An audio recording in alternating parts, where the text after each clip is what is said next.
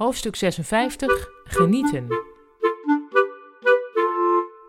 Kavia merkte dat ze de hele week aan het wachten was op een bericht van Enzo. Zou hij haar mailen voor een nieuwe afspraak of moest zij hem mailen? Daar hadden ze niets over gezegd. Wel kreeg ze een mail van Rogier.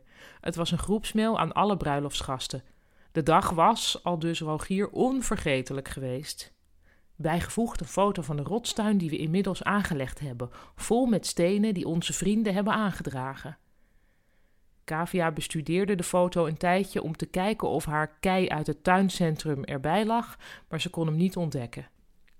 Dat begreep ze ook eigenlijk wel.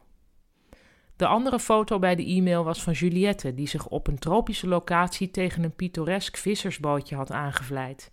Haar huid was bijna lichtgevend wit, haar zonnebril zwart en haar bikini glimmend groen. Terwijl Kavia deze foto aan het bestuderen was, hoorde ze ineens vlak achter zich: Zo, moet dat onder werktijd, Kavia? Ruud. Sorry, zei Kavia. Ik kreeg die mail van Rogier en ze klikte de mail weg. Nee, laat maar staan hoor, zei Ruud. Dan geniet ik even met je mee. Maar ik genoot helemaal niet, zei Kavia. Ja, ja, zei Ruud. Echt niet, zei ze. Het is niets om je voor te schamen, zei Ruud, terwijl hij wegliep. Kavia keek verontwaardigd om zich heen. Niet zo snel happen, Kaaf, zei Kim. Dat vindt hij juist leuk. Kavia besteedde de rest van de middag met woedende dingen bedenken die ze tegen Ruud had kunnen zeggen, maar niet gezegd had. Blijkbaar straalde ze heel veel frustratie uit, want Kim begon ineens te vertellen over haar cursus mindfulness, waar ze een kwartier had moeten toeademen naar haar grote teen. Zodat je weet dat die er is, zei ze.